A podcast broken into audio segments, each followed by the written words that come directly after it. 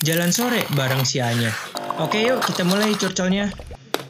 Bubur sumsum dimakan restu. Assalamualaikum warahmatullahi wabarakatuh. Pantun itu yang selalu gue ucapin setiap gue ngebuat podcast. Dan gue kangen banget ngepodcast bareng orang yang gue undang nih. Dan pada hari ini gue ngundang salah satu sahabat gue yang udah pernah masuk di podcast gue. Dan kembali lagi gue undang karena gue nggak ada narasumber jadi akhirnya gue ngundang dia. Oke okay, boleh dong. Halo semuanya kenalin lagi gue Dikna dan uh, gue sebagai narasumber yang karena nggak ada narasumber lain jadi gue pemain cadangan di sini. Nggak gitu sih Dik sebenarnya karena karena kita lagi pengen ngebahas-bahas aja sih. Ngebahas omikron. Waduh. Iya, pas kali pas kali pas kali. Pas kali dengan yang kena ini ya anda kena ya? Anda Anda kenapa nih bisa awalnya kenapa bisa kena nih? Anda tahu nggak? Kemarin gue kejar-kejaran, terus tiba-tiba gue ketepok, jadi gue kena gitu. Waduh, itu jokes mana tuh? Daerah mana tuh? Kayak daerah gue gak, gak kena tuh jokesnya tuh. Baru itu itu jokesnya Omikron sih. Kalau yang kena Omikron kayak gitu emang agak garing. Oh, oh gitu, bikin stres. Bikin stres, bikin stres. Tapi by the way, uh, yang lo rasain selama Omikron tuh apa sih?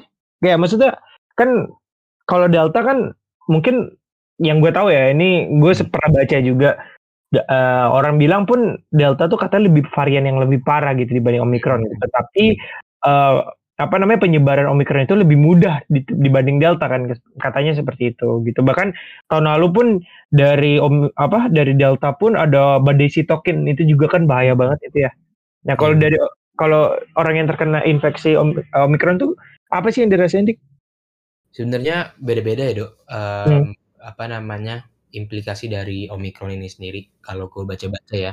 Jadi memang uh, apa efek dari terpaparnya seseorang kena virus omikron itu tergantung dengan um, apa uh, badannya itu sendiri gitu. Jadi kayak kemarin gue baca berita juga ada salah satu yang terpapar omikron tuh dia mencium bau busuk gitu dok.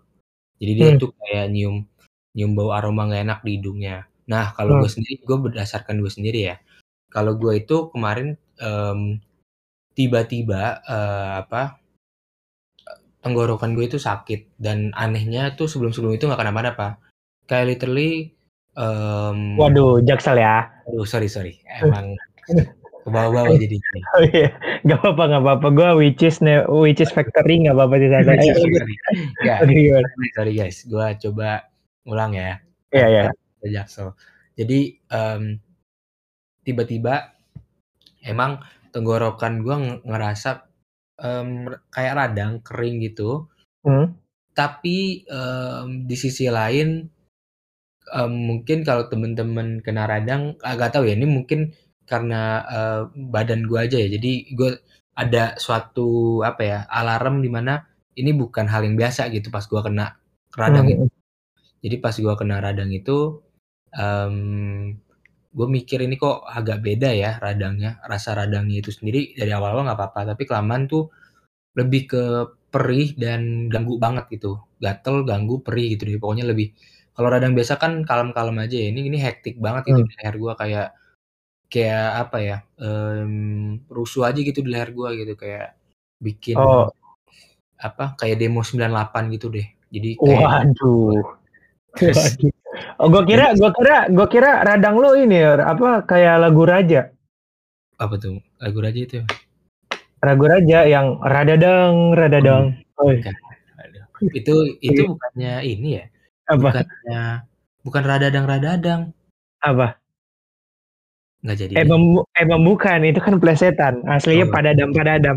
Iya, ya udah oke lanjut dan kalau, kalau padadam kan, kalau misalnya Pak Isman nggak enak kan nggak bisa kan.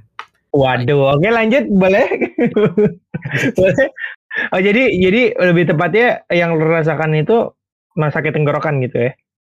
Iya bener banget. Terus abis itu dari situ tiba-tiba badan gue demam. Um, hmm. Demam dari suhu 37 tiga tujuan tiba-tiba naik 38 dari 38 tiba-tiba turun 37 um, apa diagnosa yang gua pertama itu uh, DBD karena DBD kayak gitu salah satu cirinya. Jadi naik turun. Eh, iya benar-benar. Dan dan katanya tuh setahu gue ya DBD tuh katanya lagi naik juga. Oh iya Iya iya. sih. DBD di Indonesia tuh lagi naik banget katanya. Jadi temen gue juga ada yang kena uh, dia kira dia PCR eh ini PCR dia PCR dia kira dia COVID ternyata bukan dia DBD. Nah itu sih harus di itu harus di apa em, teman-teman juga harus was-was juga karena itu harus apa eh, nggak kelihatan ya nyamuk ya. Kalau kelihatan kan mungkin aja kita udah bisa ngindar gitu kan. Apalagi Benar, kalau ngetok pintu kan. Kalau ngetok pintu apalagi kita nggak bakal bukain dong. Nah. Iya benar. Tapi tapi biasanya kalau nyamuk itu emang di antara dua orang sih. di antara dua orang ya. Kalau nyamuk Iya. itu biasanya udah di antara dua orang gigit salah satu orangnya dong biasanya Waduh, nikung dong lebih tepatnya dong. iya benar Waduh. Au. Au. Dor. Waduh. Biasanya sering-sering terjadi tuh di Jakarta Selatan tuh sering Oh, ya. terjadi tuh. Jelas which is literally suddenly Waduh. Eh tapi by the way, eh thank you loh lo mau diundang ke podcast gua sebagai tamu yang yang dadakan. nggak apa-apa bro ini ini juga apa healing gua gitu ngobrol sama orang Jik gitu healing. Anaknya anxiety bos. Yes, Atau over, overthinking banget gue jam segini biasanya oh gitu, bener-bener. Lo perlu per- eh, perlu solve solve feeling ya atau apa? gue perlu ini sih apa ke Bali biasanya ke Bali terus Waduh, itu ada loh F FW eh apa sih eh, WFB tau gak? Singkatan. Iya work from Bali itu banyak banget itu orang ngomong kayak gitu. kalau Ya FWB tapi Waduh itu kalau itu kan friends with benefit ya Pak ya. Kalau gue Ya. sih belum pernah merasakan. saya juga belum pernah sih kayak gitu ya Iya bener. Tapi eh, konteks di sini sih gue gak akan bahas FWB sih. Nah. jauh jauh konteks yang yang gue pengen bahas kayak mungkin lo selama apa namanya lo karantina kan jatuhnya kan. Lo isoman juga mungkin. Karena kan eh apa namanya lo jatuhnya apa nih? Lo iso, isoman di sorry apa? sorry sebelum itu gue mau cerita dulu yang tadi setelah radang itu sama demam yang Hmm. paling parahnya adalah batuk-batuk itu. Jadi ntar kalau beberapa orang mungkin merasakan kering banget lehernya terus batuk-batuk dan itu ganggu tidur banget. Jadi kalau kena AC dikit aja itu kering banget terus bener-bener kayak em, apa ya ganggu banget batuk-batuk banget gitu deh pokoknya. Jadi batuknya tuh beda banget gitu dok. Hmm, eh, berarti emang apa ya? Orang bilang emang ter, gak terlalu berbahaya, tapi tergantung orangnya lagi nggak sih kayak antibody lu. Kalau misalkan antibody lu nggak bagus juga, ya lu kalau kena pun juga tubuh lu ya akan sakit ya sesakit sakitnya gitu nggak sih? benar benar bener banget bener banget Hmm, Eh, by the way, balik lagi nih ke topik yang tadi. Kan selama lo isoman, pasti, ada by the way lo isomannya sendiri, eh maksudnya di rumah atau di luar? di rumah di rumah gue di kamar bawah sendiri bener-bener sendiri gitu Udah berapa lama nih lo isoman? gue itu kan eh, dinyatakan positif tanggal 31 ya Hmm. Eh, berarti sekarang itu ini hari sekitar hari 11 gue berarti Udah 11 hari. iya 11 hari Mau dua minggu dong dik jatuhnya. iya udah mau dua minggu tiga hari lagi Uh, lama tuh. Lu udah sempet swab gak selama seminggu gitu? Maksudnya setelah tujuh hari nih lu isoman, oh swab enggak lagi gak? jadi kalau eh, sesuai aturan Kemenkes ya Mhm. itu untuk orang yang em, bergejala ah, yang nggak bergejala bergejala sebenarnya mirip untuk yang bergejala sama nggak bergejala eh, PCR di hari ke 10 eh apa dua kali jadi hari, hari antara hari ke-9 dan hari ke-10 atau hari 10 dan hari 11 tadi gue udah PCR hari 10 negatif Hmm. terus hari ini gue PCR lagi nunggu hasilnya besok Oh oke, semoga negatif ya.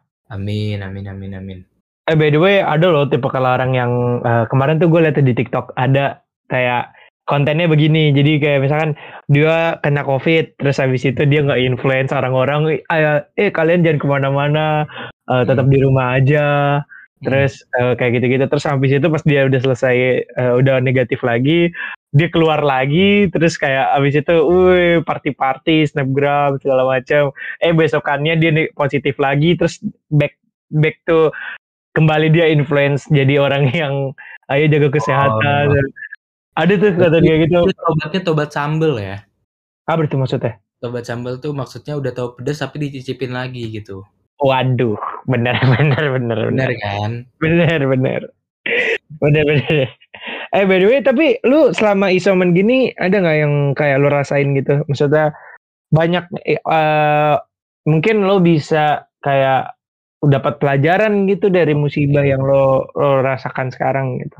Iya, jadi um, isoman uh, itu kan benar-benar gue nggak bisa ngobrol apa nggak bisa ketemu orang secara langsung walaupun gue bisa ngobrol secara online hmm. dan itu benar-benar um, gue pas gue ditetapin positif gue udah mindset gue gue udah bikin kayak apa namanya jadwal sendiri gitu dok gue mau hmm. ngapain aja karena kalau gue pasti cuman gue mikirnya aduh gue sendiri gue ngapain ya gue nggak bisa nongkrong gue nggak bisa bla bla bla bla bla nanti gue stres sendiri dan um, apa imun gue jadi turun gitu. Nah, hmm. gimana pun caranya gue bisa apa namanya uh, membuat mindset gue itu gue isoman mungkin ini saat gue untuk istirahat sendiri dulu dari um, teman-teman dari uh, dunia aja gitu kan. Maksudnya gue sendiri dulu gitu mikirin mikirin apa yang perlu gue kembangin, apa ada tugas yang perlu um, gue selesaiin atau apa pun lah. Dan itu memang gue pas isoman ini banyak hal yang gue dapetin um, kayak contoh. misalnya contoh tuh kayak um, apa ya gue juga nggak tahu sih dok. Tunggu sebentar. Mikir ya. Padahal kita ngobrol bukan lagi interview. Eh sama sih ya. Maksudnya uh, kita lebih kayak ya udah cerita cerita aja kalau apa ya gue tuh kebanyakan pas isoman tuh kalau nggak olahraga hmm. uh, rapat organisasi sama tidur. Dan tidur tuh literally lebih banyak dibandingkan yang biasa gitu dan maksud gue um, ya gue lagi belajar aja gitu apa um, ya beginilah hidup hidup sendiri gitu. Karena kan um, apa kayak gue ngerasa gue kan juga kos di Semarang dulu kan. Terus gue udah lama nggak yep. ngekos gue udah udah lama ya udah lama lah. Dan itu kan maksud gue kalau misalnya gue tiba-tiba suruh balik lagi ke Semarang kan pasti gue shock dan um, nggak punya orang kalau pas pulang gitu kan. Itu mungkin gue kayak, um, apa ya, mengadaptasi, uh, diri gue untuk sendiri lagi kayak gitu sih, Dok. Walaupun emang jenuhnya minta ampun, Dok, ya lu tahu sendiri lah gue hmm. uh, gue tuh, apa namanya, seminggu pertama itu nggak kenapa-napa, cuman kalau udah minggu-minggu hari ke-9, hari ke-10, atau hari ke-11 tuh udah mulai-mulai, um, yang anjing apa, kayak astagfirullahaladzim, kayak, uh, ya eyalah kenapa sih gue apa omikron dan juga um, kayaknya gue apa uh, gak enak juga ya hidup sendiri nggak nggak ada teman hmm. ngobrol gitu udah mulai-mulai dah terus kayak kangen mantan misalnya kayak gitu kayak gitu waduh waduh, waduh. berarti berarti dampak dampak dari isoman dan lo terkena covid itu bisa jadi lo ngerasa bener-bener kesepian gitu maksudnya kayak butuh orang tem eh, butuh temen ngobrol gitu nggak sih jatuh? Hmm, butuh butuh banget butuh banget. Jadi mungkin um, bukan orangnya bukan apa meromantisasikan atau kayak gue orangnya bucin banget, cuman orang yang isoman tapi punya punya uh, apa pacar gitu itu ini banget sih apa beruntung banget sih karena bisa ngobrol apa hari-harinya gimana gitu. Terus um, ya bisa ada temen diskusi lah gitu kan. Nah kalau misalnya hmm. gue mungkin gue ada orang tua gue, adik gue, cuman kan um, apa? Bosan. bukan bukan, bukan bosan. kayak gitu, kayak gitu. Eh, eh bukan gitu. Kalau adik gue kan juga udah nggak seumuran dengan gue, jadi mungkin apa agak beda. Jadi kan dia lebih muda dibandingin gue. Begitupun hmm. ibu gue um, apa? Lebih tua daripada lo. Lebih tua daripada gue. Jadi mungkin um, sedikit ada perbedaan pemikiran jadi agak kurang nyambung lah layaknya ya kan gue makanya ya hal yang normal lah ya kita lebih kadang nyambung ngobrol sama teman kita di di masalah tertentu gitu kan nggak mm -hmm. semua mhm. bisa kita omongin ke um, apa namanya orang tua kita atau adik ada uh, siblings kita kan nggak nggak nggak kayak gitu kan mm -hmm. gitu sih hmm tapi tadi lu lu kan lu notice bahwa lu ngerasa kayak kangen mantan. Maksudnya gimana tuh? Ya itu sebenarnya um, apa? Um, bukan sebenarnya gue not uh, gue notice gue kangen mantan gue itu um, bukan karena emang gue uh, gue kan apa namanya um, ya gue udah putus sekitar setahun lebih gitu kan. Dan gue sebelum gue isoman tuh um, setelah gue uh, setahun itu gue udah udah lumayan menormalisasikan putus itulah dok. Maksudnya udah hmm. ya uh, apa um, getting used to aja gitu. Tapi lama kelamaan pas gue isoman baru itu apa namanya ya tergantung pemikiran ya um, mulai tuh kayak apa uh, datang kayak aduh enak ya kalau misalnya gue masih punya companion untuk nggak diajak ngobrol gitu. Companion diajak apa namanya um, discuss bareng. Discuss bareng kayak ngomongin tentang penyakit gua terus ya kalau mau ngedumel juga masih bisa. Kan kalau kita ngedumel misalnya kita ngedumel ke orang tua kan gak enak juga gitu kan dok? Maksudnya iya iya benar um, apa mereka udah bayarin obat kita makan kita terus kita ngedumel gitu kan karena karena penyakit kita sendiri gitu kan jadi kan gak enak uh -huh. juga gitu. Itu uh -huh. sebenarnya yang bikin gue sebenarnya um, lebih ke ini sih bukan kangen untuk pacaran ya cuman lebih kangen untuk ngobrol untuk apa sharing-sharing bareng gitu. Makanya tapi uh, kalau hal tersebut diobati dengan um, sedik apa ya lumayan diobati dengan temen-temen gue yang bisa nemenin gue ngobrol gitu yang ya kayak Ludo maksudnya yang udah ada ada ada jangan jangan di ini nanti gue baper. Goblok eh tapi gue pengen nanya deh sama lo satu pertanyaan ini. Kenapa lo sampai sekarang masih nyangkut sama mantan lo sedangkan lo tuh udah putus setahun? Jauh dari Omikron ke ke mantan ya. Waduh. Ntar kita harus balik ke track ke Omikron nih. Jangan ngulik-ngulik lah, tapi kan tadi kan kita ngomongin kan bener dong dari Omikron. Nanti judulnya udah ada, Dik. Gue udah menemukan judul. Oke, cuman ya, gue ya. Judul gue lu tahu nggak apa? Apa tuh? Omi Omikron bikin kangen mantan. Beda tuh. Enggak, itu apa, Do? Itu jelek banget judul kayak gitu. Sem ah? Lah, itu kan clickbait. Jangan, Do, jangan, Do. Ntar, ntar kalau udah kayak gitu kan jadinya um, ketahuan gitu loh. Gue kan malu banget. Gue bilang, Omikron jadi kangen apa jangan jangan spesifik ke mantan mantan gue kan cuma satu do. Ah emang iya? Ya di SMA oh iya benar oke oke oke oke. Gak usah gak usah bahas terang terang terlalu itu. Tapi gue mau nanya deh uh, arti mantan membuat lo tuh apa sih? Yang sekarang.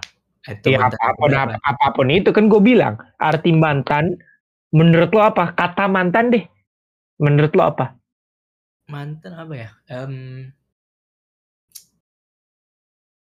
menurut gua orang, uh, salah satu orang terdekat yang, um, apa, dengan waktu yang singkat bisa mengenal dengan waktu yang singkat bisa mengenal lebih dalam daripada sahabat gitu.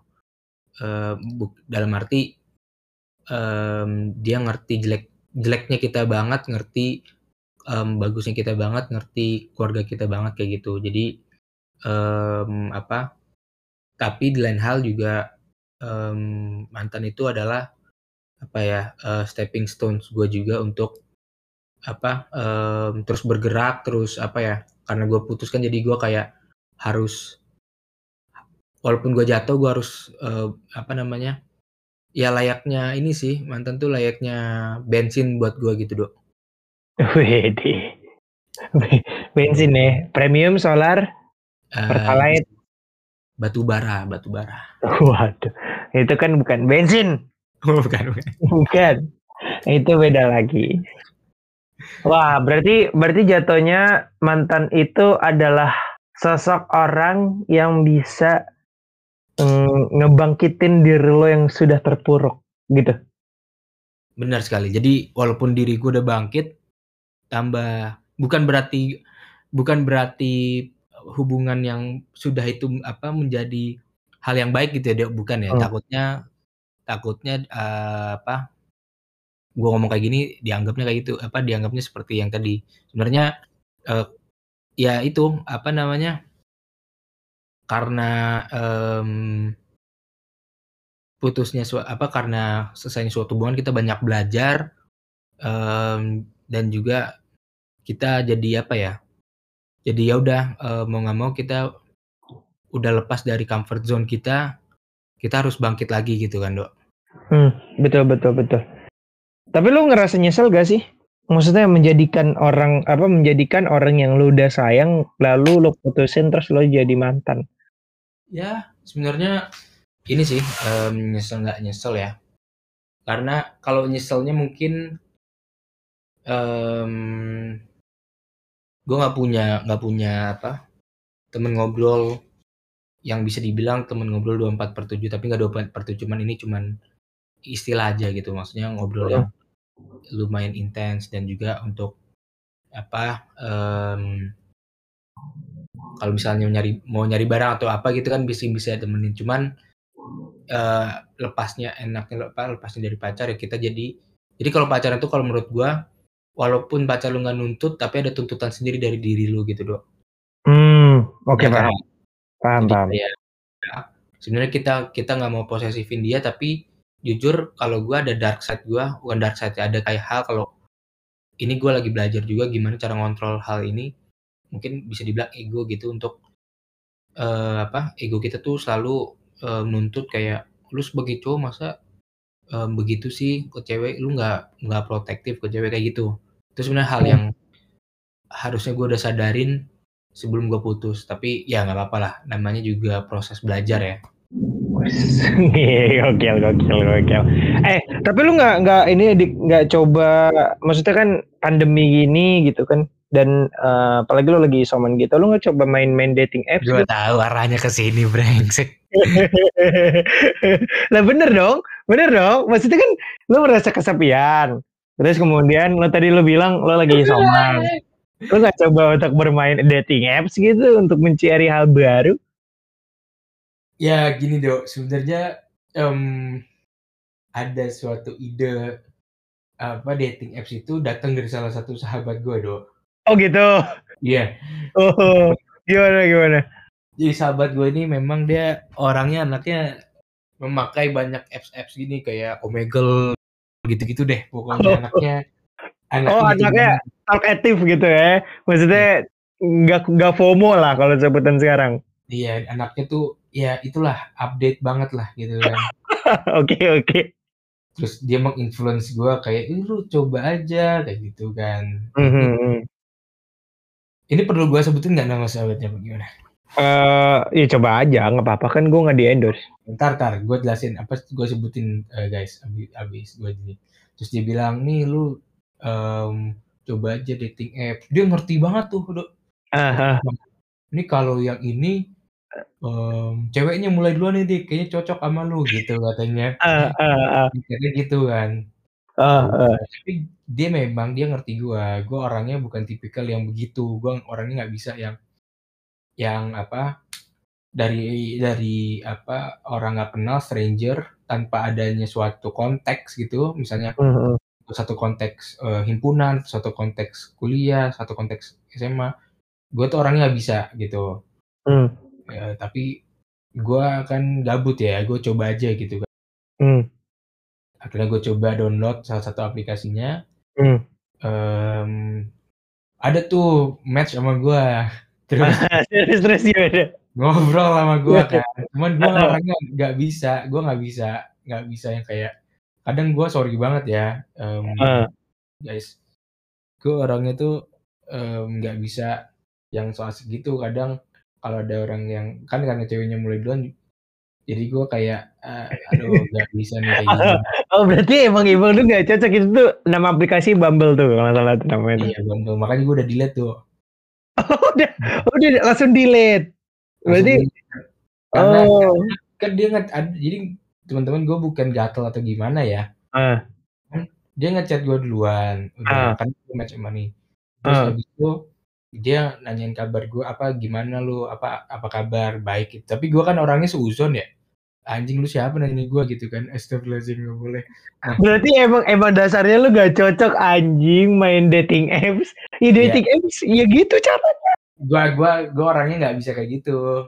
Karena kan lu bilang, gue orangnya kalau nggak ada konteks obrolan, nggak um, ada yang memulai obrolan tuh dan orang itu nggak siapa-siapa, gue nggak bisa gitu loh, Dok.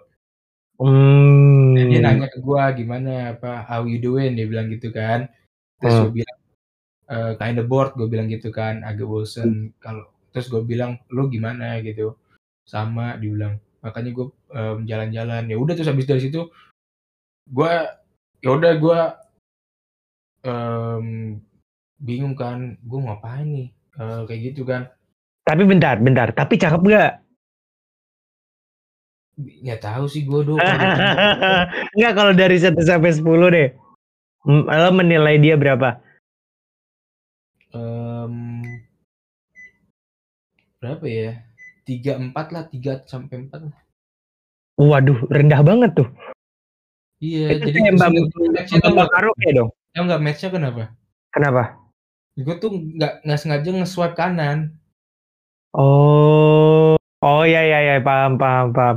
Eh tapi kan lu bisa nggak bales tahu sebenarnya. nah iya cuman gue kan apa em, orangnya kan nggak sabaran nih gue pengen coba nih gitu Tapi kan Oh. maksud gua lo lo lo akan menemukan jadi kayak yang ngechat lo tuh akan banyak kalau di sistem Bumble tuh gitu. Jadi nggak lo nggak berpatokan karena satu cewek ini yang udah ngechat lo duluan, lo jadi kayak ah males ah gue main Bumble ya nggak gitu sistemnya. iya cuman gue gitu dong masalahnya gue orangnya Lo orangnya cepet bosenan sih, anjir anjir. cepet bosenan em, kalau gue nggak lihat eh, nggak usah gue nggak nggak dibilang nggak ada konteksnya dan gue nggak lihat langsung secara fisik gitu ya dok gue nggak nggak em, sorry banget gue nggak tertarik gitu ngerti nggak Tapi lu lu pernah ngomong ke gua lu tertarik sama orang-orang yang di TikTok. Padahal lu belum tahu itu yang di TikTok beneran kayak gitu atau enggak. Bisa jadi dong. kan gue gue tertarik cuman gue nggak ber nggak maksudnya bukan tertarik dalam arti em, gimana ya em, gini gini gini gini kalau di TikTok itu em, ya mungkin aja kan ada chance-nya ada em, suat- berapa persen mungkin dia begitu tapi sebenarnya nggak kayak gitu mungkin kan Hmm. tapi dia kan udah nunjuk ya gue tuh tahu orang yang mana beneran dia kayak gitu mana yang enggak kayak Satin deh misalnya Satin nih ya Hmm. gue tahu Satin tuh emang freak bukan bikin bikinan freak lo tau kan bikin bikinan freak Ya. Ya gitu kayak gitu kalau di dating apps kan nggak tahu Eh, buta sama sekali apa ya udah maksudnya Tapi menurut gua menurut gua nih ya, orang yang main dating apps sudah pasti freak. ya gue nggak gue gue nggak gue nggak berani ngomong itu ya karena Enggak, gue berani ngomong kayak gitu. Karena gue punya jawaban, Dik. kenapa Logikanya gini. Kan lo main dating apps. Apalagi Bumble kita ngomong.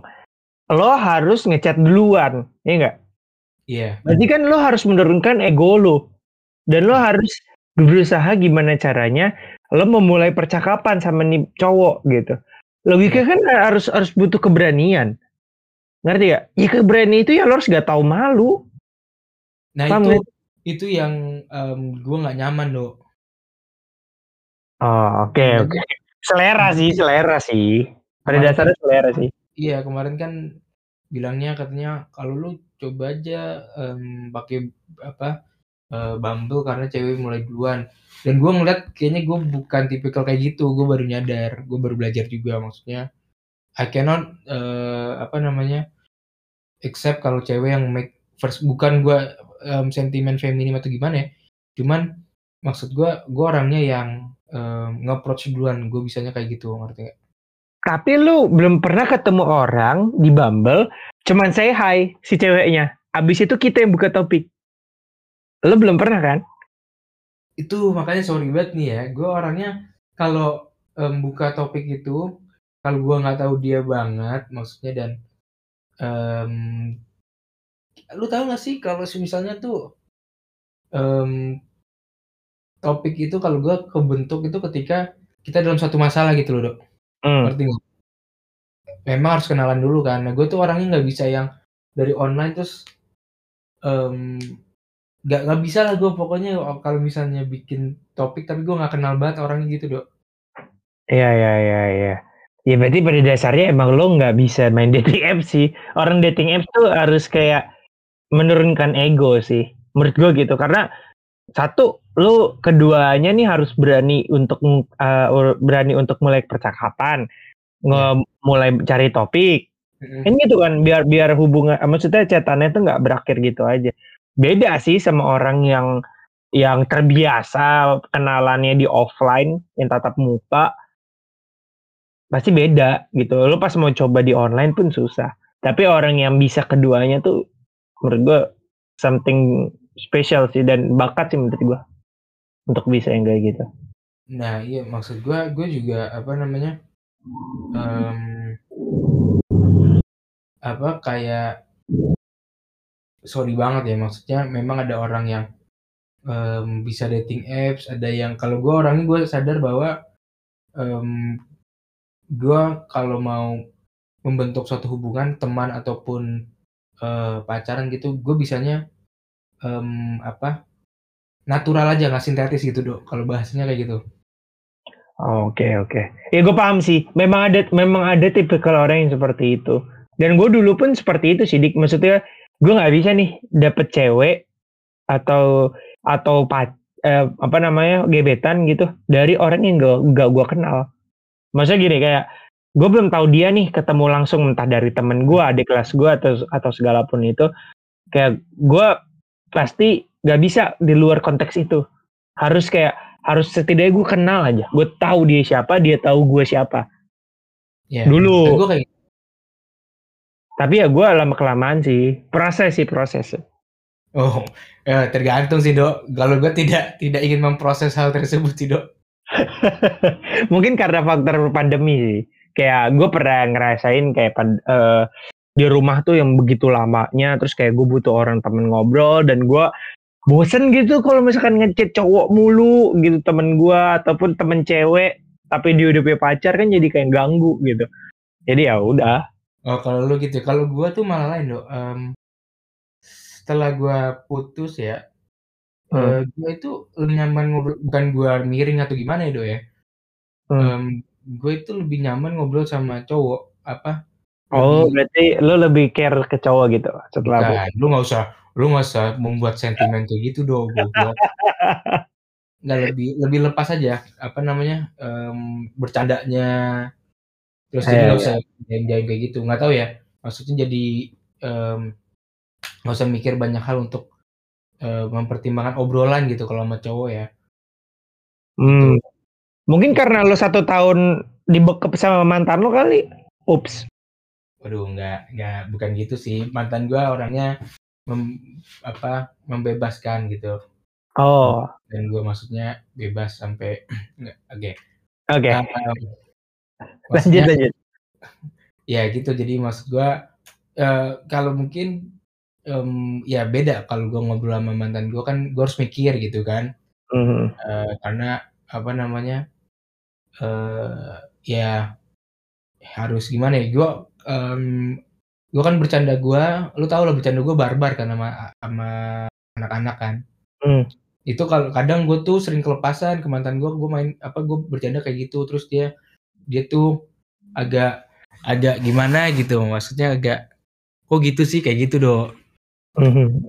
makanya gue kadang oh gue lagi mungkin gue lagi di uh, tahap sendiri dulu kali ya kayak gitu untuk karena gue lagi enak bercanda seperti itu gitu. Dan lagi nggak mau musingin gue harus kayak apa gue harus menempatkan diri gue kayak gimana gitu. Kalau untuk apa ngobrol atau bercanda ya gue belajar menempatkan diri. Iya cuman kalau lagi yang kayak gini tuh lu tau lah ada jadi kayak dike bukan dikekang sih apa ya gue nggak enak sih kalau ngomong dikekang sih dok. Lebih iya. Ah maksudnya gini maksudnya gini gue gue gue nangkep gue nangkep maksud lo uh, pada dasarnya ketika lo berhubungan sama uh, pacar lo gitu ya, maksudnya uh, udah ada status gitu, pasti lo akan menjaga jarak dengan orang di sekitar lo juga. Menurut gue akan seperti itu, kayak baik itu keluarga, baik itu temen gitu, karena itu menurut gue hal yang wajar dan manusiawi gitu. Kenapa? Karena ketika lo sudah uh, saling percaya satu sama lain, Berarti kan logikanya lo sudah menaruh segalanya untuk dia dan dia sudah menaruh segalanya untuk lo. Ya gak sih? Benar, benar ya. Jadi baik itu waktu, baik itu tenaga dan segala macam tuh udah saling di-sharing nih satu sama lain. Jadi menurut gue wajar aja ketika orang nih, misalkan udah pacaran, Terus awalnya dia anak tongkrongan, tapi giliran udah kenal cewek tiba-tiba dia suka jarang nongkrong. Ya wajar menurut gua. Ya karena ya itu efek dari pacaran makanya orang tuh sebenarnya mikir sebelum lo pacaran lo siap gak untuk kayak gitu. Dan apakah apakah perempuan atau lawan pasangan lo ini bisa menerima nggak kalau misalkan gua tidak mau ada aturan kayak gitu kan? Hmm. Gitu sih. sih, mungkin gua um, agak terlalu muda untuk memulai pacaran serius ya dok kemarin. Jadi eh, apa? em, banyak hal yang gue belajar juga kayak eh kalau dibilang apa namanya? Gue terlalu ja- jadi gini kalau misalnya lu terlalu deket sama pacar lu, pacar lu bosen juga gak sih dok pasti kan? Benar. Di temen-temen jadi lu sama pacar lu menurut pas ada beberapa mungkin ada yang suka ada yang jadi bosen jadi nggak ada rasa lagi gitu kan. Mhm. Nah, begitupun juga kalau kita terlalu banyak main sama teman-teman kita, jadi em, bosen juga cewek gitu kan, nggak diperhatiin kayak gitu kan. Jadi, jadi kan ribet ya mikir kayak gitu ya. Apalagi kan Iya iya iya. mikir kayak gitu plus ditambah pusingin kuliah, ditambah eh, pusingin organisasi, jadi agak beban sendiri gitu. Nah, Hmm. tapi pas putus pun jadi beban juga dok, gitu dok. Jadi serba salah ya. Nah, jadi kayak bermata dua gitu dok. Eh, pedang ada mata. Nggak ada, nggak ada. Pedang ini apa? eh, pedang yang tumpul kayak hukum di Indonesia. Waduh. Waduh. Waduh. Saya, saya nggak ikutan ntar dimarahin hukum lagi. Canda. Oke, Dik by the way, eh, thank you banget ya udah mau datang nih di podcast Curcol. Oh ya santai, santai. Gue selalu Thank you. Jangan, dok. Gak apa-apa, kan sharing-sharing is caring. Siap. Ya, thank you ya sekali lagi ya. Mungkin gue tutup aja langsung kali ya. Oke. Oke, makan ikan sama nasi sekian dan terima kasih.